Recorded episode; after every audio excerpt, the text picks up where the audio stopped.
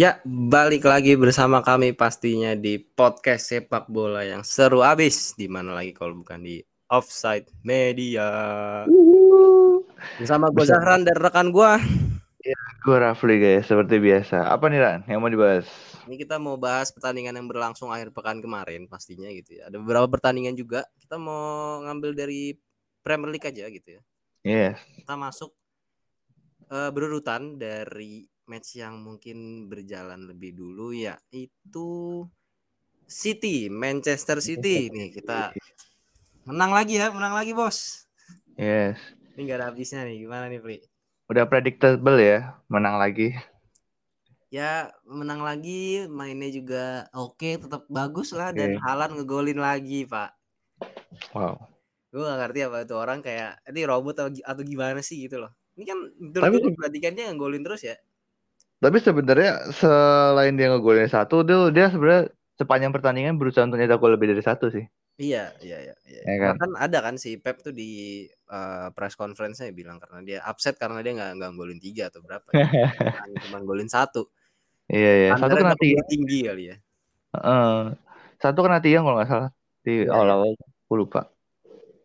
Ya eh, as predictable City gitu ya, menang besar, main oke dan eh, predictable juga bahwa Pep tidak akan memasang line up yang yang apa ya, yang mudah ditebak gitu ya. Ternyata Iya. Mahrez main lagi, Mahrez yang kita lihat Mahrez. dari beberapa match terakhir kemarin udah nggak main terus tiba-tiba back empat back belakangnya itu ada Akanji, Ruben Dias, Ake sama Cancelo yang lu semua pasti bingung gitu loh ini main kayak Iya. gimana sih gitu kan.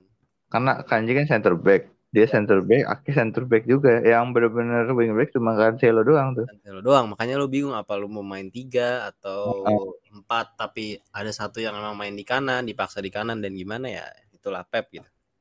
Iya benar. Nggak, tertebak. Cuman yang pasti Bernardo Silva tetap, tetap turun sih.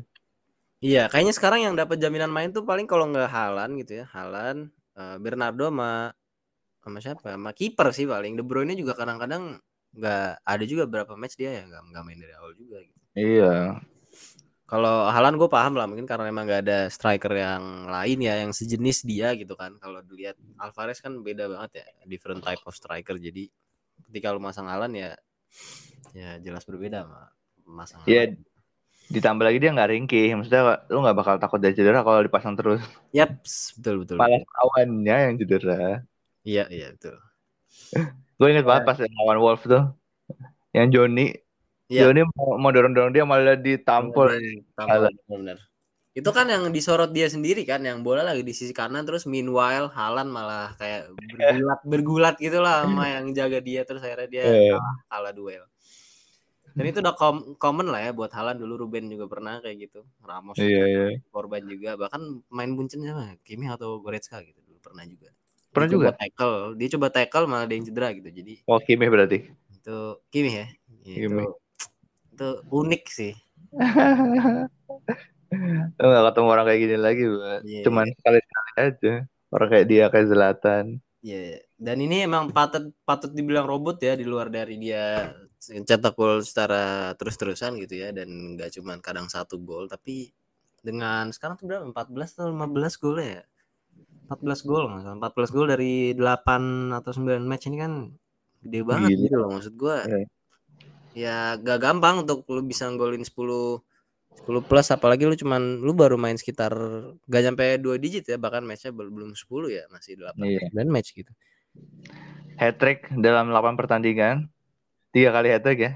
iya kan Terus Hat-trick, hat-trick. Kemarin gue nonton juga tuh Callum Wilson sama Michael Antonio ngobrol kan.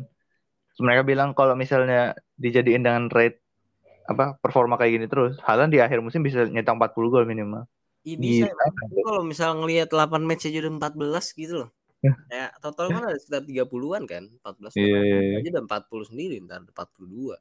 Lu banyak banget itu. Di Premier League lu nyari 15 susah anjir. Memecahkan rekor all time. Iya, makanya. Ini gila sih.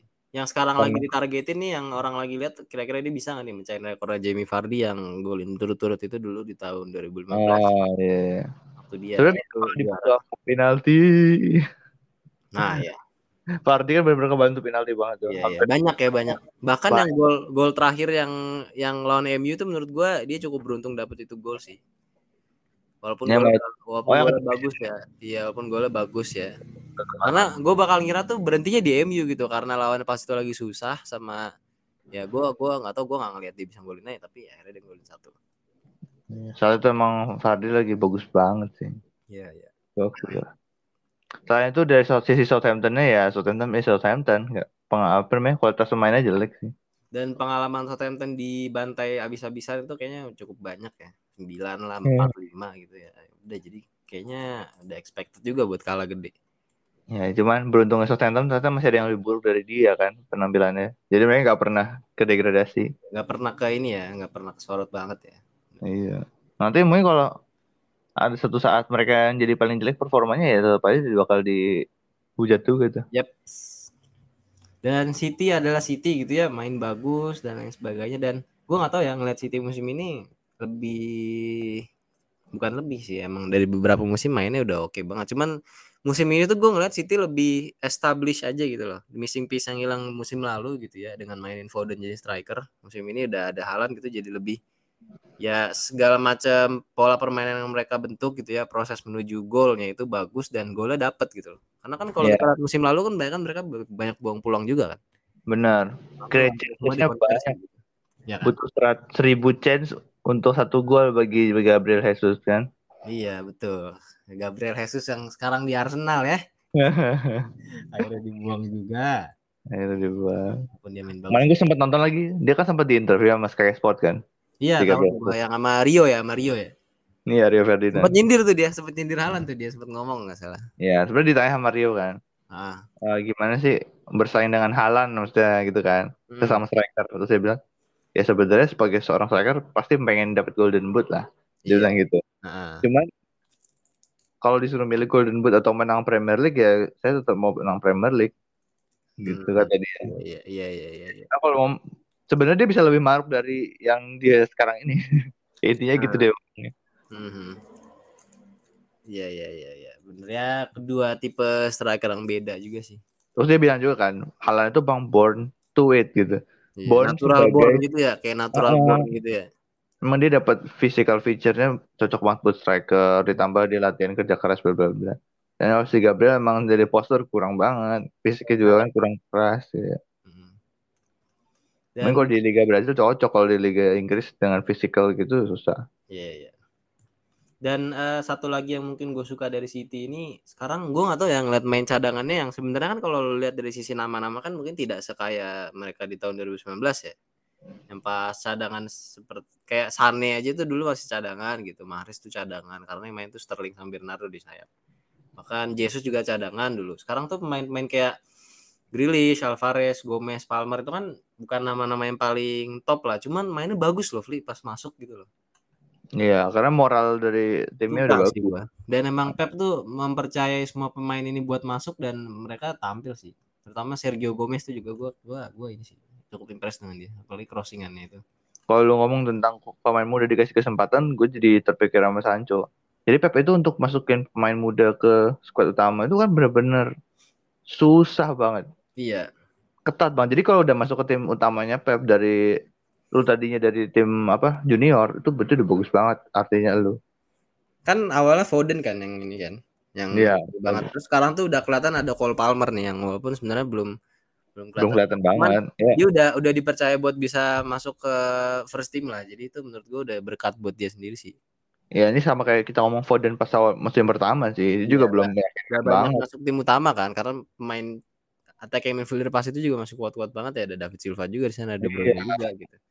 Lu mau tempat siapa? Winger lagi. Winger masih ada Sané, Sterling, Sterling, Sterling dan lain sebagainya ya winger-winger pelari Hmm. cepat semua gitu. Jadi ya Akhirnya dia dapat kesempatan lah dan dia bisa membuktikan. Walaupun awal-awal gue aja, aduh Foden tendangannya begitu terus loh. Hmm. Tendangannya tuh selalu mendatar ke ujung gitu kan. Iya. Jadi udah kebaca gitu. Cuma dia akhirnya udah mateng sih sekarang tuh. Matang. Gue bisa bilang dia matang sih. Dan yang gue suka adalah karena versatile dia sih, jadi bisa main di kiri, main di kanan, bahkan main di tengah juga. Jadi Benar, ya benar. menyesuaikan aja sama siapa yang main di wing-wing. Karena kan wing yang lain kan kayak Grealish tuh bisa main di kiri doang kan. Kalau Iya. dia main di kiri, si Foden main di kanan. Kalau Mahrez yang main, ya dia yang main di kiri. 100 juta tuh, Ren. Kenapa, Li? 100 juta tuh. Iya, ya 100 juta tuh. 100 juta cadangan, masih cadangan, Bro. 100 juta malah nggak bisa perform. Ya. Em, dan Jadi- ya, Decision makingnya lo kurang. dia Menurut tuh apa ya? Gua gue suka sama cara dia bermain ini sih, bermain dengan bolanya sih emang gua harus akuin bagus ya, dribblenya bagus, gimana dia mancing bagus. Cuman kadang ya itu decision making sama ya terlalu apa ya? Terlalu lama mungkin ya ambil keputusan ya. Iya, iya. Jadi ya kadang tuh jadi struggle buat dia sendiri gitu. Kayaknya sih buat buat lawan-lawan tertentu dia cocok gitu. Kayak kemarin lawan MU kan dia main oke sih bisa gue bilang oke juga. Tapi ternyata main oke di lawan MU kemarin ya nggak jamin- jaminan lu dapat tempat utama juga gitu. Ternyata malah Mares yang main kan. Karena kalau Pep itu lebih mentingin siapa lawannya, terus di counter pakai apa sih? Iya. Jadi nggak kebaca sama sekali sih. Makanya para manajer FPL nih menurut gua harus waspada ya kalau memasang main City karena lu bisa jadi bisa jadi lu nggak nggak apa ya nggak dapat poin gitu gara-gara pemain yang lu pilih di FPL nggak main dari awal. Bener, makanya paling kalau mau dimainin ya kipernya Ederson, Bernardo atau Haaland aja. Betul. Itu yang pasti main. Cuman kalau Ederson sih ya biasa sih. Gak bakal bagus-bagus banget sih nilainya kalau Ederson mah. Kecuali dia dapat clean sheet ya, megang-megang bola banyak. Nah, cuma kan biasanya clean sheet tapi nggak megang bola. Iya makanya. Kemarin tuh si Southampton ternyata gue liat di statsnya unik ya. Shot on targetnya nol ya. Emang ternyata ya ini kiper Hmm. jarang, jarang diuji juga gitu. Iya. Iya. iya. Nanti gue kalau misalnya yang dapat tempat utama di Brazil tuh Ederson bukan Alisson, gue ketawa sih. Tetap sih, tetap Alisson sih kata gue. Harusnya ya. Tetap Alisson sih. Emang Brazil tuh kaya banget sih emang. Dulu sempat ada di titik di mana Brazil bagus semua depannya kipernya jelek banget. Udah jelek. Setelah ya setelah Julio Cesar tuh kan nggak ada lagi Gak ada lagi kiper benar-benar. Sempat ada di posisi juga kiper udah lumayan oke, striker malah nggak jelas. Ya saat masih ada Gabriel Gabriel kan, dua Iya. Gabriel, tiga malah Gabriel jadi striker. Iya, tiga. Ini satu Gabriel Inter, satunya Gabriel Jesus sama Gabriel Martinelli. Yaps. Oke, cukup Li. City kayaknya ya Ya, itu City. Buat City is City gitu City. aja. Ya, tinggal tunggu ntar mungkin ya lawan yang sepadan lah buat musim ini. Apa Arsenal? Mungkin Arsenal, Fli. Ya karena kalau dilihat ya gak ada lagi kan yang lain gitu loh. Liverpool lah. Liverpool lah, Liverpool. Gue gue gue sebenarnya kepo ke arah Liverpool aja sih. Karena kan mereka kalah di awal juga kan waktu Community Shield. Jadi Iya. yeah. gimana? Walaupun Liverpool sekarang udah turun banget sih. Yang mungkin nanti kita bahas lah ya abis ini. Bisa bisa. Oke, next. Next, Ada apa nih Ren? kita terbang ke London nih ke Chelsea sebelum kita bahas London yang satu lagi gitu ya. Kita bahas Chelsea dulu. Ini gue nonton matchnya dan eh, bisa dibilang impresif sama permainan yang diperlihatkan oleh Chelsea ya. Ini Potter menurut gue ya emang emang benar ya sebagai pelatih baru gitu lo harus kasih waktu sih sama dia gitu. Apalagi kan pemain-pemain baru semua. Dan Benar. kemarin mainnya oke loh, kayak oke loh, Pli. Nyerangnya bagus gitu dan terutama ketika eh, nyerangan serangan lu gagal gitu ya. Lu kan harus punya eh, taktik lain gitu atau harus punya cara gimana supaya eh, menangkal musuh lu gitu lah supaya musuh lu mungkin nggak nggak bertransisi secara cepat dari nyerang dari defense ke nyerang gitu dan itu dilakukan juga sama Chelsea mereka ngepres gila-gilaan dan berhasil gitu Benar, setuju setuju. jadi Dan- emang gol tuh nggak dapet apa-apa sama sekali sih kemarin Ya, ya. Cuma dan juga beraninya dia ganti perannya si siapa namanya? ke Conor Gallagher ya Ya, Gallagher. Dia dipindahin tuh. Kemarin Jadi lebih free roam kan? Iya, jadi lebih advance aja sih. Jadi dia banyak banyak iya banyak gerak ke mana-mana, terus mungkin banyak bantu di dalam box juga. Ya, sama ini kan dia harus gantiin peran Jorginho gitu-gitu kan. Yap, selama ini dia biasa main di pivot, double pivot, Ah. yang itu sebenarnya nggak nggak terlalu kelihatan. Dan emang dia kayaknya lebih tipe yang ya harus explore ke mana-mana sih ya. Kemarin oke main. Iya, iya, iya. Dan satu lagi ya di luar dari Gallagher juga gitu ya. Ini salah satu yang mungkin patut diapresiasi juga selain dia menggunakan pemain mengeksplor pemain di luar posisinya dan berhasil gitu. ini kalau lu lihat komposisi yang main kemarin itu beda banget sama yang di Champions League gitu. Yang artinya kan berarti ya ini pelatih ya bisa memanfaatkan semua main gitu walaupun kita nggak bisa judge dari satu match juga gitu. Cuman dengan dia masang Havertz, Mount, bahkan Gallagher, Loftus-Cheek dan Pulisic yang nggak pernah main gitu ya. Iya. Dan oke okay, mainnya gitu ya ya patut diapresiasi lah. Setuju, setuju. Kita tinggal lihat aja sih gimana ke depannya dia mau beli pemain apa di bursa transfer. Seru sih kalau ngeliat, uh, ngeliat Chelsea ke depannya ya. Yap, tinggal ya berprosesnya aja lah. Karena kemarin sebenarnya kalau lu ngeliat starting eleven gue gue yakin banyak yang nggak expect seorang Auba nggak main gitu ya, seorang Sterling nggak main. Uh, Rhys James yang lagi bisa dibilang lagi on fire banget gitu ya, nggak main juga gitu. Terus gue yang cukup gue sorot juga yang unik ini kayaknya Kepa sih balik lagi ke ini ya, dapat dapat tempat utama lagi ya, Fli. Iya benar. Main di cadangan, mungkin karena kemampuannya ini kali ya distribusi bola ya.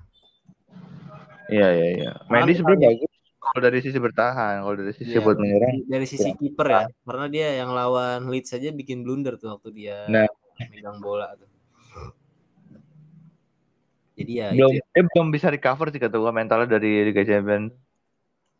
Iya, ya. Setelah Liga Champions tuh nggak nggak bagus lagi loh mainnya. Iya, iya. Ya angin-anginan lah ya, angin-anginan. Angin-anginan udah kelihatan celahnya. Kalau dulu kan bener-bener kayak, wah gila main sujud-sujud gitu.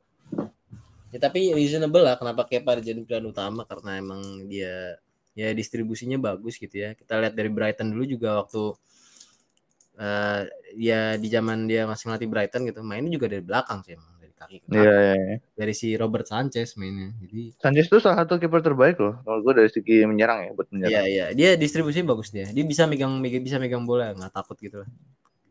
Sempat jadi salah satu kiper terbaik di match day keberapa gitu musim lalu. Hmm, ada ada. Jadi emang kiper tuh peranannya penting kalau di sistemnya Graham Potter. Sebenarnya modern day football sih ya. Ditambah lagi dari segi lawannya Wolves-nya tuh lagi kurang banget sih menurut. Ya lagi kurang banget. Kemarin juga emang Wolves tuh nggak bisa ngapa-ngapain sih. Walaupun ganti pelatih, ganti pelatih ya kalau nggak salah. ganti pelatih nggak salah si Bruno Lage tuh di di. Hmm, ya. Kalah terus. Walaupun kemarin si Diego Costa udah main ya, Ya main. tapi nggak Jadi- bisa apa-apa juga sih. Ya ini bukan prime Diego Costa gitu. Iya udah udah 30 berapa? 30 32 plus plus bahkan ya. Iya. Ini Diego Costa yang udah merasakan kembali ke Liga Brazil, Brazil gitu. ya, Liga Brazil betul betul. Standarnya pasti turun. Iya iya iya. Ya udah ngerasain gerasak gerusuknya lagi tuh, gerasak gerusuk Liga Brazil gimana tuh. Iya. Tapi kan dia ganti kan sama Huang Hichan main lu. Oh iya, ganti ya, diganti ya dia. Iya. Kurang impresif lah. Wang Hichan jadi striker lagi ya. Iya. Emang bisa dia ya? Bukan Nggak winger tahu, dia. ya? Nggak tahu kayaknya sih tukeran posisi sama si Gates kayak Gonzalo Gonzalo Gates. Oh. Tapi gue nggak paham juga gimana. Soalnya si nggak tahu ya gue ngeliat pemain Wolves sekarang banyak yang pemain inti banyak yang keluar kali jadi nggak banyak juga sih opsinya. Iya sih. Apalagi nanti kalau misalnya si Ruben Neves dikeluarin ya. Iya dibeli gitu ya. Arsenal dibeli ya Arsenal gitu. Iya ya dibeli gitu. Iya iya iya. Jose. Oke. Oke, Fli. Kita beralih ke pertandingan yang highlight ya. Ya, ini Menjadi mungkin jadi, highlightnya nih. jadi jadi ini ya, jadi highlight nih buat episode kali ini gitu ya. Al Arsenal melawan Liverpool dengan skor 3-2. Pertandingan yang seru. Pembuktian Arsenal lagi. Yap, setelah sebelumnya eh, menang lawan Spurs ya, yang notabene sekarang lagi ada di top 4 juga, top 5 ya. Salah Nah, satu tim, walaupun bisa dibilang tim besar juga lah ya, walaupun mungkin nggak nggak nggak nggak juga gitu kan. karena dari segi nyetak gol susah mereka. Ya, uh-uh. Dan sekarang Liga ketemu Champions. Liverpool. Di Liga Champions aja imbang tuh satu-satu. Nah, gembel. Ngerti lagi gitu. sekarang- Gimana pertandingan ini gimana nih? Ya, gua gua senang lah ya sebagai fans gitu akhirnya menang gitu 3-2 poin krusial juga. Dan mungkin salah satu yang harus gua sorot adalah gimana eh, ternyata ya nggak nggak nonton itu gitu permainan Arsenal yang mungkin gua gua komenin di episode sebelumnya bahwa mereka terlalu lama megang bola kadang-kadang. Jadi membuat tim musuh tuh ngurung sehingga mereka tuh kadang bingung sendiri gitu harus ngapain. Nah sedangkan kalau di match ini mereka lebih banyak ngandelin transisi aja sih. Makanya possession mereka kan nggak nggak nggak mereka nggak menang possession lu kalau lihat stat di match Ya, Liverpool ini kan Bahkan pas pas mereka lebih sedikit gitu. Transisinya tapi oke banget sih. Transition itu bagus banget sih, benar-benar terstruktur banget. Dan ada pasti ada supportnya gitu. Misalnya Martinelli lari, Iya, Nggak ada yang bantu kan. ah, ada siapa udah Itu sampai kalau depan. lu lihat dari gol pertamanya Arsenal kan kayak gitu, berawal dari counter mereka kan, dari yang mereka defense Liverpool terus bola dari Ben White, dia ingat dia bawa bola ke Jesus, Jesus dribble kalau nggak salah. Dia dia dia emang break awal dari Jesus sih, kayaknya sih dari Jesus ya yang nge-break terus baru dikasih ke Saka. Iya, iya. Terus dari Saka ada yang lari juga tuh Fli di tengah sama di kiri, si Odegaard lari, Martinelli lari, bola, bola dioper ke si si Odegaard, pas Martinelli lari tuh ada Saka juga yang masuk. Jadi sebenarnya waktu si Odegaard megang bola, si sisi kanan Liverpool tuh emang sebenarnya udah kalah jumlah sih, si Arnold ya terutama. Iya, iya Dia benar. udah kalah jumlah sebenarnya. Jadi makanya dikasih bola terupas. Malah ada juga bingung mau jaga yang di tengah apa jaga yang sebelah kanan.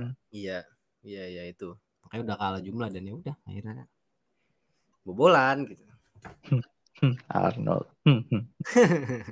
Kayak makin ke sini makin makin ke sana ya, Fli Arnold ya. Iya, makin kurang meyakinkan. Ini kata gue gue nggak tahu ya kalau kalau dari sisi attacking mah kita semua udah udah inilah udah mengagumi lah gimana dia selalu deliver lah ya udah udah nggak nggak dipertanyakan lah cuman dari sisi defensifnya ini loh makin sini makin kacau loh Pli. Benar-benar bisa aja ntar dia kalah sama Rhys James sih kata gue. kata gue sih kalau di Inggris Reece James sudah dapat tempat sih harusnya Iya, iya. karena emang Southgate nggak percaya dia juga sih dari awal dia nggak pernah dimainin gitu kan jadi wajar aja dan Padahal Pemain bintang loh. iya itu dia Juara Liga Champion loh. ah padahal Kalah sama eh sama deh. Rhys James juga juara Liga Champion. ah udah udah pengalaman banget loh padahal Kalah sih. Arnold tuh lebih lebih muncul duluan loh. Cuman nggak tahu makin sini gue ngeliat makin lazy aja sih untuk untuk defense. Kalau dia harus ada akan posisinya karena dia masih full back gitu loh, bukan main tengah. Ya karena dia nggak ada lawan juga kali ya di posisi yang Iya, sama. Iya. merasa aman. Iya, itu yang ini sih yang mungkin di disorot ya, nggak punya kompetitor ya. Apa kompetitor? Maksud gua kalau kompetitor lu seorang Joe Gomez juga ya nggak akan merasa ini juga kan, nggak akan merasa terancam juga nggak sih? Iya iya iya. Jadi- Joe Gomez sama Milner satunya lagi. Gue sama Milner coba lu bayangin. Makin gak bisa lari itu. Diajak sprint sama Martinelli kayak udah kalah jauh itu Fli. Udah capek dia. Capek. Makanya kemarin tuh waktu si Arnold diganti kan, gue langsung bilang kan, loh kok bukan Milner gitu. Wah kalau Milner seneng banget itu gue. Dia nyanyiin itu sama Martinelli sih yakin gue kalau Milner. Jahat itu. Ter dia jalan lari sama Martinelli tuh. Iya. Nggak soalnya kan kalau dari match-match sebelumnya tuh selalu dia yang main di kanan Fli. Kalau misal si Arnold diganti gitu ya. Dia main di kanan gitu. Makanya kemarin, Iya. kemarin tuh si Gomez yang main. Karena di tengah udah ada juga kali Konate jadi nggak perlu Iya, dia kemarin Konate juga baru sembuh ya. Akhirnya balik Iya. lagi dia. Ya, gimana ya kalau ngomongin soal Arsenal gimana ya, Fli? Apa lu ada ah, yang ingin lu sampaikan, Fli? Arsenal tuh apa ya menurut gua dia tuh perkembangannya pesat banget sih dari musim lalu yang Iya. bener-bener musim lalu tuh kayak menurut gua diuji habis-habisan mentality mereka Yep. dikasih kalah kalah kalah terus udah lagi tren bagus eh di akhir kalah kalah dua kali tiga kali Wah, tuh. itu itu tapi iya sih, Fli. Menurut gua mentalnya kena banget pas di akhir itu loh, Fli. iya Yang mereka kan sempat mereka kan sempat masuk di zona Champions League kan? Iya makanya Masuk zona Champions League, posisi mereka tuh lagi aman 4 poin di atas Spurs dan satu game satu game in hand lah. Hmm. Kalah, kalah-kalah terus kan yang yang sama terakhir akhirnya kalah sama Newcastle juga yang lu kalau udah lihat yang klipnya Arteta marah-marah tuh di cadangan.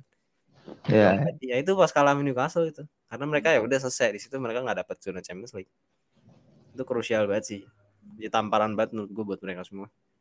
akhirnya musim ini benar-benar berubah ya Ya karena ya akhirnya si Arteta bisa ini juga sih nemu missing piecesnya si Jesus si menurut gua Jesus. dan dan Jesus Zinchenko terutama ya karena menurut gua kalau secara sistem permainan ya Zinchenko ini banget masuk ke pola permainan Arteta dan perannya Shaka yang baru aja sih. Iya, Shaka tuh dulu bener-bener kayak lawak banget tuh ya. Gak, gak impact impact sama kontribusinya kurang lah, Fli. Kebanyakan Kurang. kiri kanan tengah, kiri kanan belakang gitu. Kalau sekarang lebih banyak supportingnya kan. Masalahnya udah gitu jadi kapten lah, gue ketawa sih. Iya, terlalu emosional juga gitu. Kapten kalau kartu merah terus. Nah itu dia. Sekarang udah lebih konsisten. Dan tambahan Saliba juga ya di belakang menurut gue itu lebih ini sih bener-bener memberikan rasa aman banget sih. Bener. Karena dia tenang banget untuk Parah di sih. usianya ya. Di usia baru berapa 21 kalau nggak 21 salah. kalau nggak salah sih. Oh, 21 maksud gue gokil. muda banget loh. 21 tapi dia main udah kayak pemain yang yang udah main bola 6 tahun gitu loh. Iya iya iya. Level iya. profesional gitu. Ngeri sih. Panjang banget kan 21 tahun tuh. Terus perkembangan Saka Saka ya. Ya, Saka juga. Dia kemarin jadi penalti taker loh. Padahal waktu pas terakhir kali gue lihat Inggris ya. Inggris kan salah satu yang bikin Inggris kalah tuh. Iya ya. Itu gua, gua rasa harusnya dia kena mental sih di situ. Iya. Terus bagus Arsenal. Dia mentalnya jatuh, terus bounce back langsung. Tapi emang emang emang sebenarnya dia ngambil penalti setelah Inggris tuh udah beberapa kali loh, yang sebenarnya bikin gua kaget juga. Waktu itu ada waktu lawan Chelsea nggak salah ya, musim lalu tuh.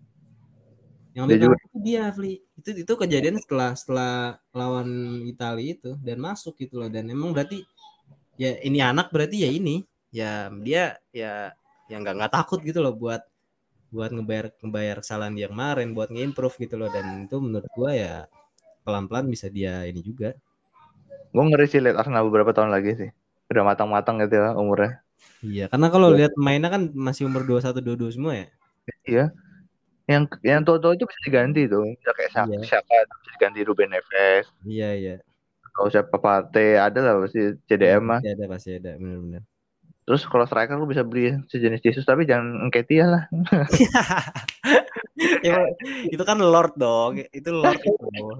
itu tidak boleh dihujat itu, Pri. Itu, Aduh. itu ada magisnya sendiri itu, nguber pantat itu.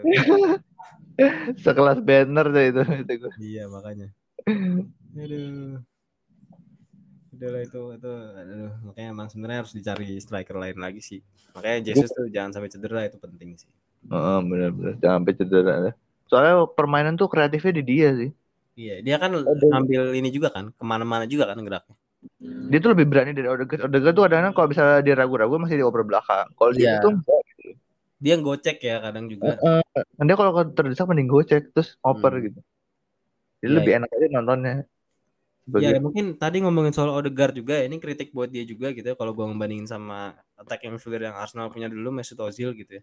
Dibandingin sama apa yang bisa dilakukan Ozil kalau misal dia ragu gitu ya. Kadang kan Ozil suka ngasih passing-passing yang bisa dibilang orang nggak duga gitu ya. Nah Odegaard tuh ya itu tadi benar kata lu. Kalau dia ragu dia kebanyakan ngoper kiri kanan. Heeh.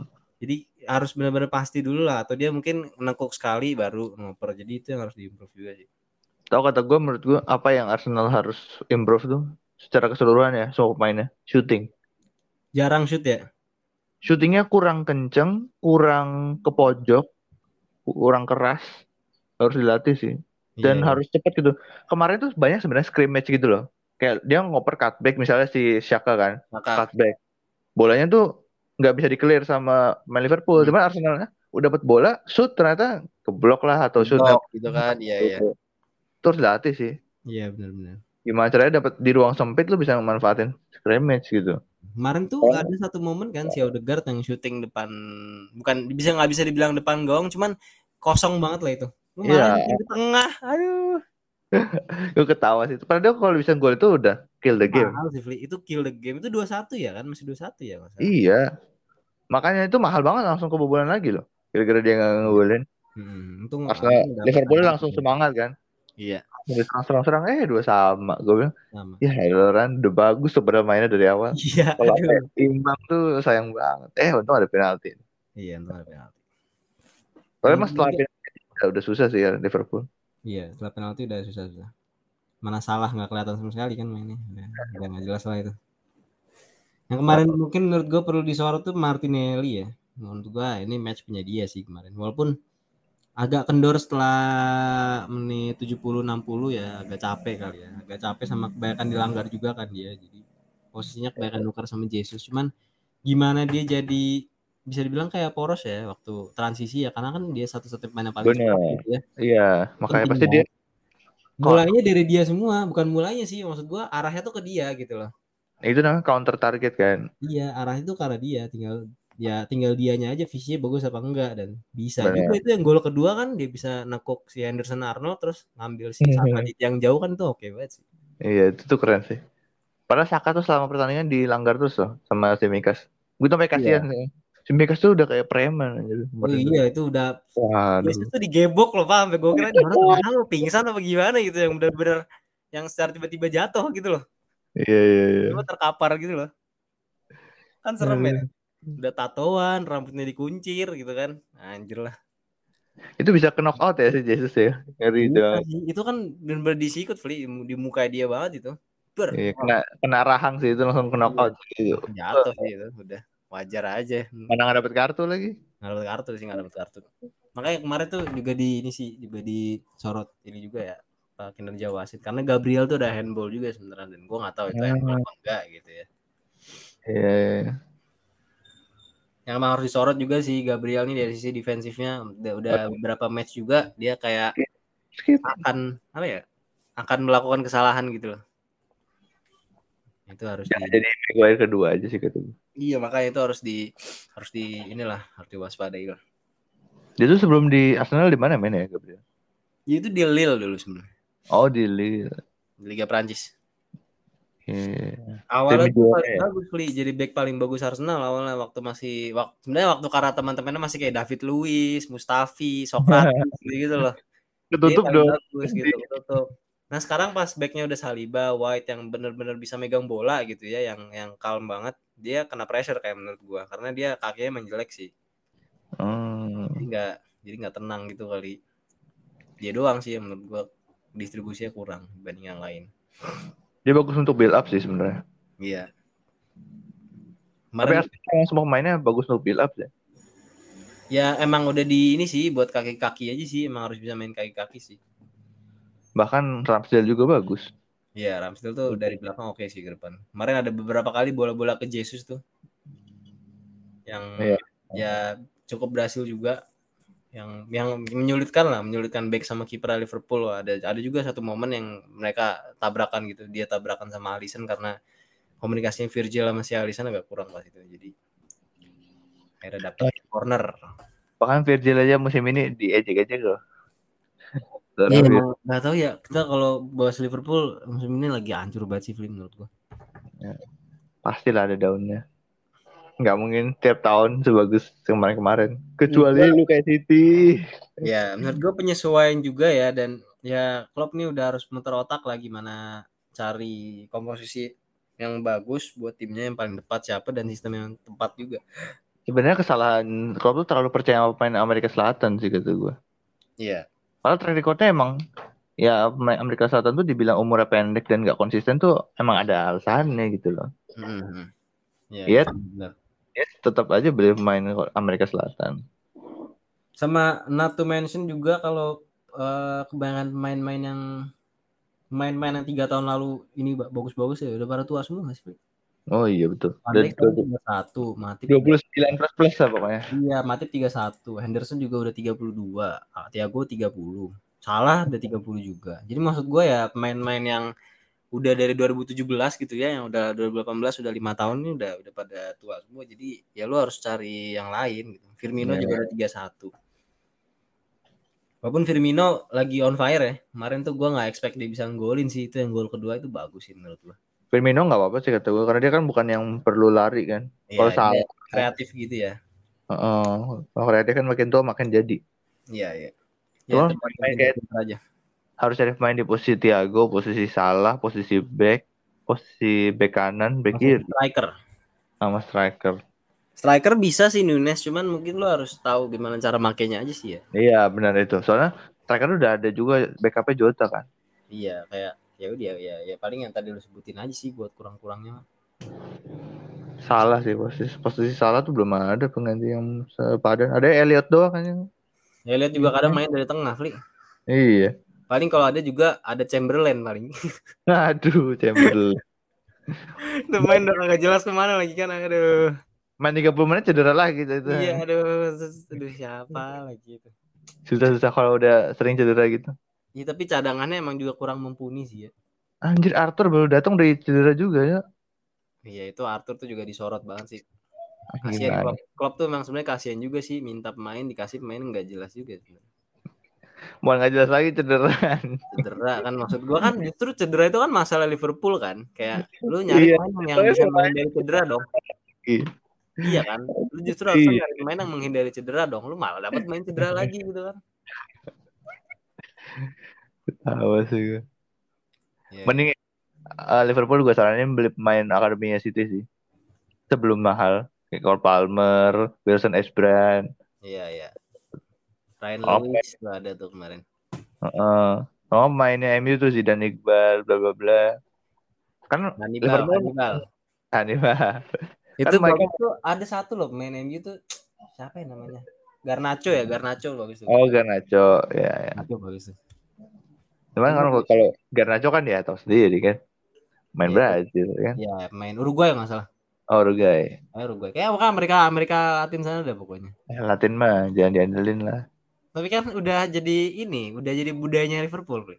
Budayanya klub. Ambil pemain Amerika Latin. Kan Luis Diaz kan kurang Amerika Latin apa tiba-tiba datang lagi main Kolombia gitu. Darwin tuh, Darwin Uruguay tuh kan. isinya udah main Amerika Latin semua nih. Iya kan. Darwin Uruguay gitu. Yang baru-baru ya. Nomor baru. Kalau dulu sih enggak sih kan. Dia beli pemain Afrika malah. Iya, Dibeli. Afrika. Sekarang Ini banyak ada ada Matip, ada Salah, ada Mane, tiga orang. Nabi Keita, Fli. Nabi Keita, Konate. Siapa lagi ya? Nabi Keita tuh masih ada gak sih? Muscle injury juga. Aduh, itu orang ke mana ya? Aduh, gak jelas, gak jelas. Nabi apa-apa. Keita tuh menurut gue dia nggak cocok untuk eh, di IPL terlalu. Dia balik ke Bundesliga aja gak sih? Iya, dia tuh stylish soalnya Kayak mainnya. Werner gitu ya, balik ke Bundesliga langsung oke main. Kayak pemain Leipzig itu nggak ada yang cocok dah untuk pindah ke Liga Inggris. Iya, udah main di Liga Bundesliga aja lah. Iya. Coba Ya. siapa yang? Nggak ada coba pemain Leipzig yang sukses. Si Karena Oh, kita tunggu ini ntar Fli, si Engkungku ntar katanya kan mau ke Chelsea tuh. Oh iya. Iya. Katanya sih udah ada deal secara diam-diam katanya. Ntar tinggal tunggu aja gitu. Oke oke oke. Seru nih Chelsea. Ya Potter udah, Potter tuh udah, udah satu tuh nemu tuh. Tipe-tipe main Potter yang yang posisinya kalau lu lihat posisi lihat di di atas kertas kan nggak jelas kan Engkungku main di mana kan. Iya iya bisa Ya, striker, enggak bisa gitu, striker juga enggak, winger juga enggak, second striker juga enggak gitu. Kayak ya udah lu pasang dia sesuai sama ini lu aja, skema yang lu cocok aja tiga tiga empat tiga biasanya sih main kayak gitu. Benar benar. benar. Ya patut ditunggu lah ya. Yap. Ini kembali lagi ke Arsenal nih. Itu malah ngomongin Chelsea. Iya, aduh. Gimana gimana nih? Arsenal sih gue berharap sampai uh, pertengahan musim dia tetap jadi peringkat satu ya supaya semangatnya tinggi tetap tinggi gitu bahwa Supaya- ada harapan mereka juga bisa juara Liga Inggris. supaya ini juga sih Fli, supaya City ada saingannya juga sih sebenarnya. udah udah. Iya enggak sih? Iya kan Iya. maksud gua se- selain City musim ini siapa coba? Gak ada yang konsisten kayak City gak ada. Bener iya yang benar-benar paling dekat ya Arsenal sih menurut gua. Itu juga sebenarnya kan orang masih meragukan kan dan gue sendiri juga belum belum belum tahu pasti banget gitu. Ya City yang kayak City ya City doang gitu loh. Jadi Arsenal ada di peringkat satu menurut gue udah bagus banget sih. Dan mereka harus bisa keep up sampai nanti sih kayak yang kayak lo bilang benar. Arsenal tuh kayak gue mengingatkan Arsenal tuh seperti Real Madrid di Liga musim ini ya. Mainnya nggak bagus-bagus amat, menang juga ke, ada kebobolannya gitu. Cuman ya menang terus gitu sampai Efektif. sekarang. Mereka tuh lebih kalau Madrid tuh efektif sih emang. Itu Ancelotti banget tuh. Mainannya nggak jelas sekarang cuman ya efektif aja udah. Iya. Saat Dap- mereka butuh gol ada gol gitu Iya, kan. Dapat aja gitu gol. Emang mental sih ya, mental berbicara lagi sih. Nih, makanya orang banyak yang bilang ah luck lah segala macam karena ya emang mainnya nggak jelas gitu. Mainnya nggak jelas sih emang harus di. Ya Arsenal gitulah ya. Oh Baru- minggu depan ada derby ya? Minggu depan tuh ada City sama Liverpool. Wes, boleh tuh kita bahas lagi tuh. Harusnya ya kalau mau lebih seru lagi Fli kan City Liverpool kan. Nah, Ah, hari hari Kamisnya tuh harusnya ada hari Kamis tuh Jumat ya atau Rabu harusnya ada Arsenal City harusnya. oh, Cuma di postpone. ini lah capek banget tuh pasti. Iya, Kalau soalnya kan hari, hari Jumatnya ada Europa League lagi. Oh iyalah, nggak mungkin saat jeda satu hari. Mm, jadi ya itu. Nah ngomong-ngomong Europa League ada Liga Champions juga nih besok, eh malam ini. Ya malam ini ya. Ya, Eh siapa yang main ya malam ini? City main, terus siapa lagi ya? Tadi gue Nah, baru City. City harus City itu gue pengen lihat sih. City sekarang jadi bikin gue bawa apa tidur malam terus nih.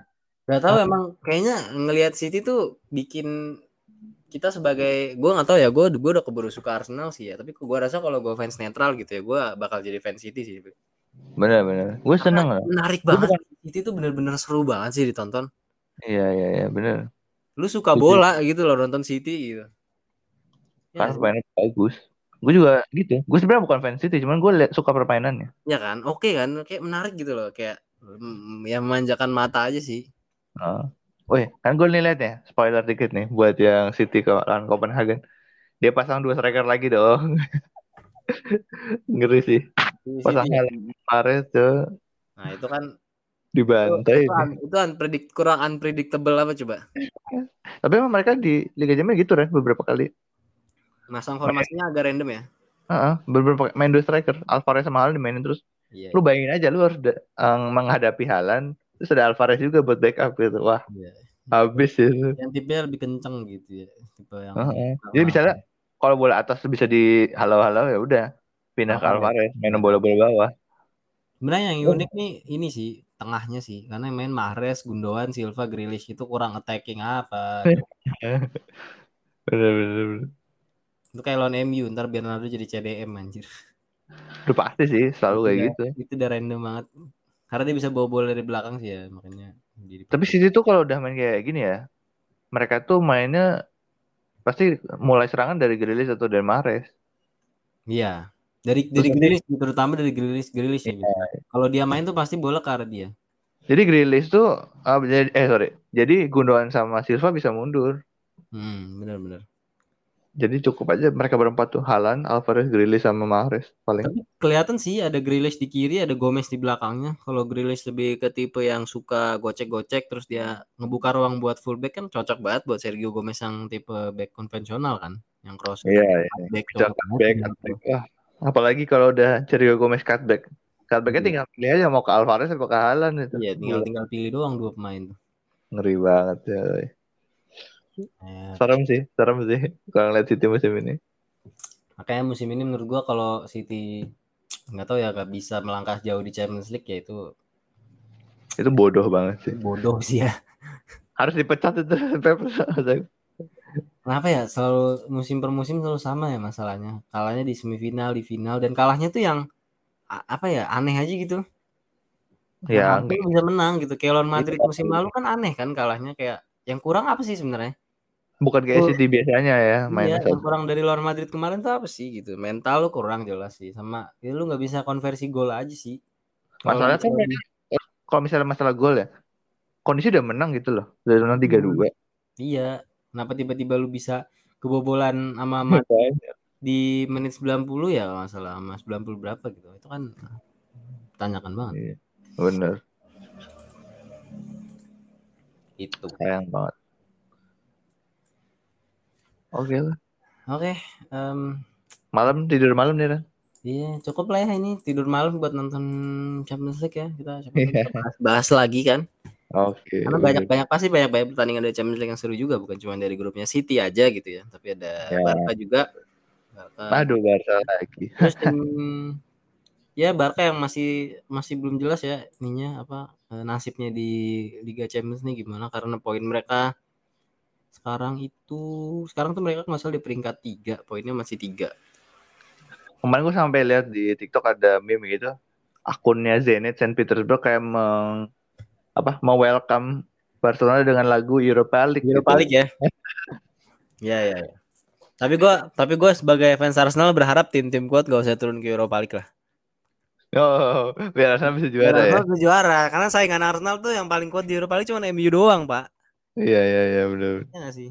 Tinggal tinggal nunggu dari yang Champions League aja dan masih banyak sebenarnya tim Champions League yang bisa turun tuh banyak kayak Ajax tuh masih peringkat tiga. Uh. Atletico tuh peringkat empat loh di, di grupnya. Eh, Atletico mah emang kayak begitu sih. Iya, emang gembel ya. Gembel, gembel Terus ada Leverkusen, terus masih ada Barcelona juga. Frank Frankfurt juga ya untuk level Europa League kadang suka suka bagus juga. Bahkan Tottenham bisa dibilang bisa turun juga ke Europa League. Iya, Tottenham itu sangat Chelsea, bisa. Chelsea, Milan, Chelsea Milan tuh masih peringkat 2, peringkat 3 loh. Wow. Sama Leipzig, Leipzig juga masih peringkat 3. City, Dortmund, Sevilla tuh masih satu grup. Jadi antara Dortmund atau Sevilla tuh menurut gue turun ke Europa League. Cuman kata gue sih Sevilla yang turun. Iyalah, Dortmund lagi lagi naik nih soalnya. Dortmund lagi naik. Juventus tuh masih peringkat tiga juga, poinnya tiga. PSG poin tujuh, Benfica tujuh. Jadi yang yang bisa dibilang turun ke Europa League bagus-bagus semua gitu loh. Iya, iya, Ini iya. gue bilang tadi kan hampir bisa dibilang klub-klub yang kita tahu semua namanya kan. Ada Juve di Ya. sana, ada Sevilla di sana, ada Leipzig di sana, ada Milan, ada Frankfurt, ada Barca bahkan Ajax juga gitu. Jadi ya patut ditunggu lah. Ya mudah-mudahan Barcelona turun lagi sih kata gue. Biar ada bahan candaan lagi. Ya. Bisa juara lah ya, minimal juara di Eropa lagi kan. Kan udah lama gitu. Iya, bener. Eh BTW Barcelona ternyata masih peringkat satu ya di La Liga. Yaps, masih peringkat satu dan eh, penentuannya itu minggu depan, Fli. Minggu, bukan minggu depan sih, weekend ini lawan Madrid El Clasico. Oh, oh iya benar. Itu itu itu pasti kita bahas. Itu kayaknya harus kita bahas sih. Pasti pasti. Pasti. harus kita bahas itu. Tinggal Pasti kita sih. Mudah-mudahan nih pen- para pendengar juga menunggu ya. Yep, Bisa kita bahas eh, El Clasico. El Clasico. El Clasico yang, Kita, kita coba hubungin ke teman kita ya Ran yang fans Madrid itu. Oh, iya iya boleh boleh boleh boleh. Siapa tahu dia mau kan diajak siaran. Oh, Iya betul, betul betul. Ya bisa lah kita mungkin coba collab lagi lah. Oke. Oke deh guys, kayak gitu aja mungkin episode kali ini supaya eh mudah-mudahan kalian terhibur Ya. sama episode kali ini dan jangan bosan-bosan untuk dengerin terus kami berdua. Saya Raffi dan teman saya Zahran di mana lagi kalau bukan di Offset Media ya. Kalau gitu gue pamit. Gue Zahran pamit sampai ketemu di podcast selanjutnya. Bye bye. Bye bye.